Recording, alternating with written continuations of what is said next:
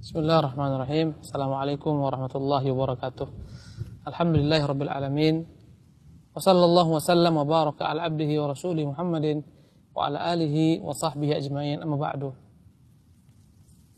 Seorang mukmin yang baik adalah seorang mukmin yang senantiasa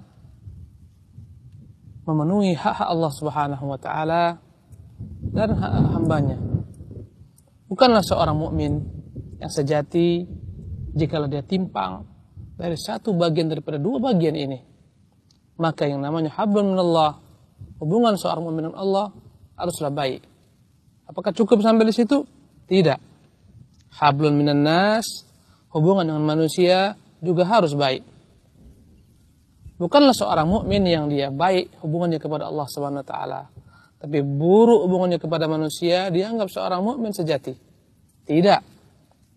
Bahkan pernah Rasulullah Shallallahu Alaihi Wasallam ditanyakan oleh sahabat-sahabat beliau tentang ada sosok wanita, seorang perempuan yang mereka menyebutkan tentang salat yang banyak, puasanya yang banyak. Maka ketika itu mereka mengatakan, tapi ya Rasulullah, lisannya senantiasa menyakiti tetangga-tetangganya. Apa jawaban Nabi Sallallahu Alaihi Wasallam? Hiya finnar dia di neraka. Ini menggambarkan kepada kita kalaulah Anda telah memenuhi Allah Subhanahu wa taala tapi tidak memenuhi hak hamba, menyakiti hamba, menzalimi hamba, maka sungguh hal ini sia-sia. Suatu ketika Rasulullah SAW bersama Aisyah radhiyallahu tabaraka wa taala anha maka tatkala mereka dalam kebersamaan, datanglah Safiyah. Kemudian Rasulullah Sallallahu Alaihi Wasallam berbincang-bincang dengan Safiyah dan Aisyah. Selepas itu Safiyah pun pulang.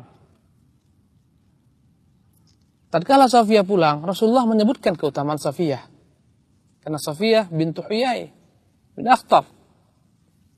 Suaminya Rasulullah Nabi keturunan Nabi. Pamannya Yunus bin Matta Nabi. Karena itulah Rasulullah SAW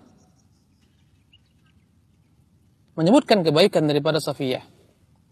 Tatkala Safiyah radhiyallahu anha ardhaha dipuji Rasulullah di depan put, yakni putri Abu Bakar Siddiq Aisyah radhiyallahu anha ardhaha maka dia dibakar kecemburuan ketika itulah berkata Aisyah radhiyallahu tabaraka taala anha. Ummul mukminin, ibunda kita. Cemburu membakarnya membuat dia mengucapkan suatu ucapan dengan bahasa isyarat. Maka berkatalah ibunda kita Aisyah radhiyallahu anha, "Ya Rasulullah, hasbuki min as-safiyyati annaha kadza." Wahai Rasulullah, cukuplah bagimu Safiyah, dia itu seperti ini. Maksudnya kata Aisyah, "Ya Rasulullah, anda memuji Sofia, apa pun yang Anda puji tapi dia seperti ini. Maksudnya apa? Sofia bukanlah sosok wanita yang tinggi, dia pendek.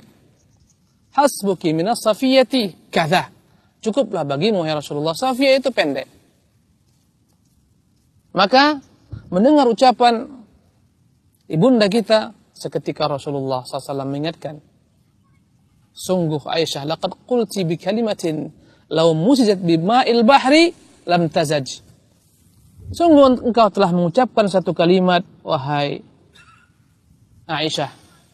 Jikalah kalimatmu ini dimasukkan ke dalam air laut, dibenamkan di air laut, sungguh kalimatmu ini akan merubah rasa lautan. Allah Akbar. Ini menggambarkan kepada kita bahwasanya hak seorang muslim itu besar di hadapan Allah Subhanahu wa taala. Menghibahnya, menyebutkan kejelekan tentangnya bukanlah perkara kecil. Banyak orang-orang yang baik salatnya, menjaga puasanya, mungkin rajin bersedekah, tapi tidak mampu menjaga lidahnya, menzalimi orang-orang Islam lainnya. Maka ini bukanlah seorang muslim yang hakiki, kata Rasulullah Sallallahu Alaihi Wasallam.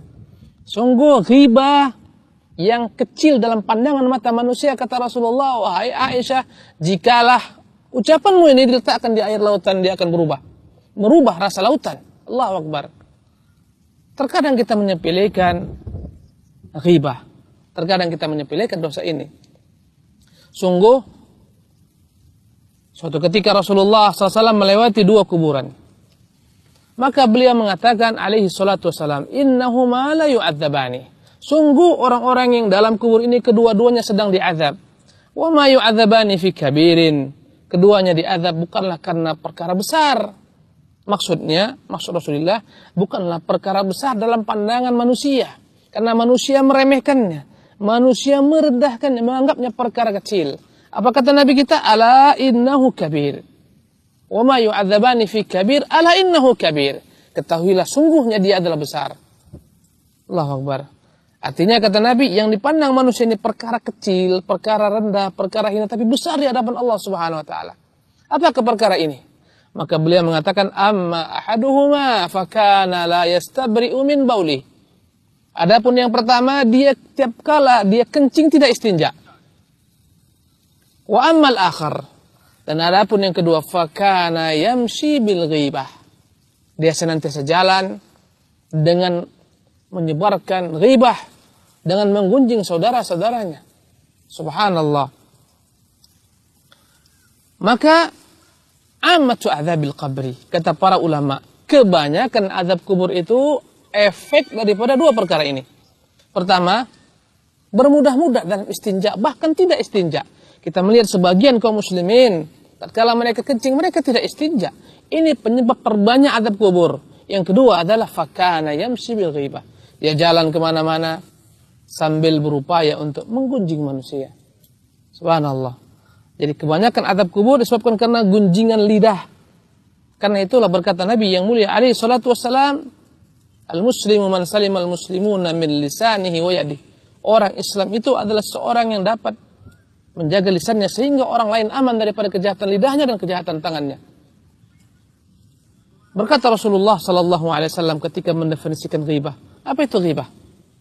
Maka beliau mengatakan zikruka akhaka bima yakrah. Ghibah adalah engkau menyebutkan tentang saudaramu apa-apa yang tidak dia senangi. Itulah ghibah.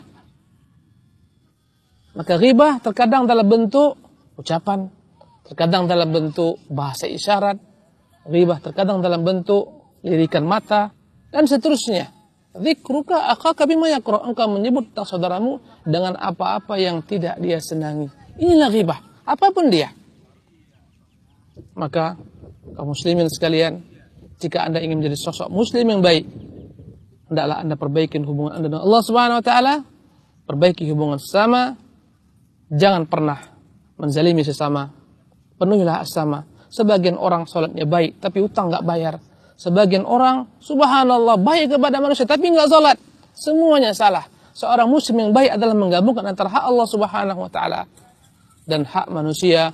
Wallahu tabaraka wa ta'ala alam. Wa sallallahu wa sallam ala nabiyyina Muhammadin. Assalamualaikum warahmatullahi wabarakatuh.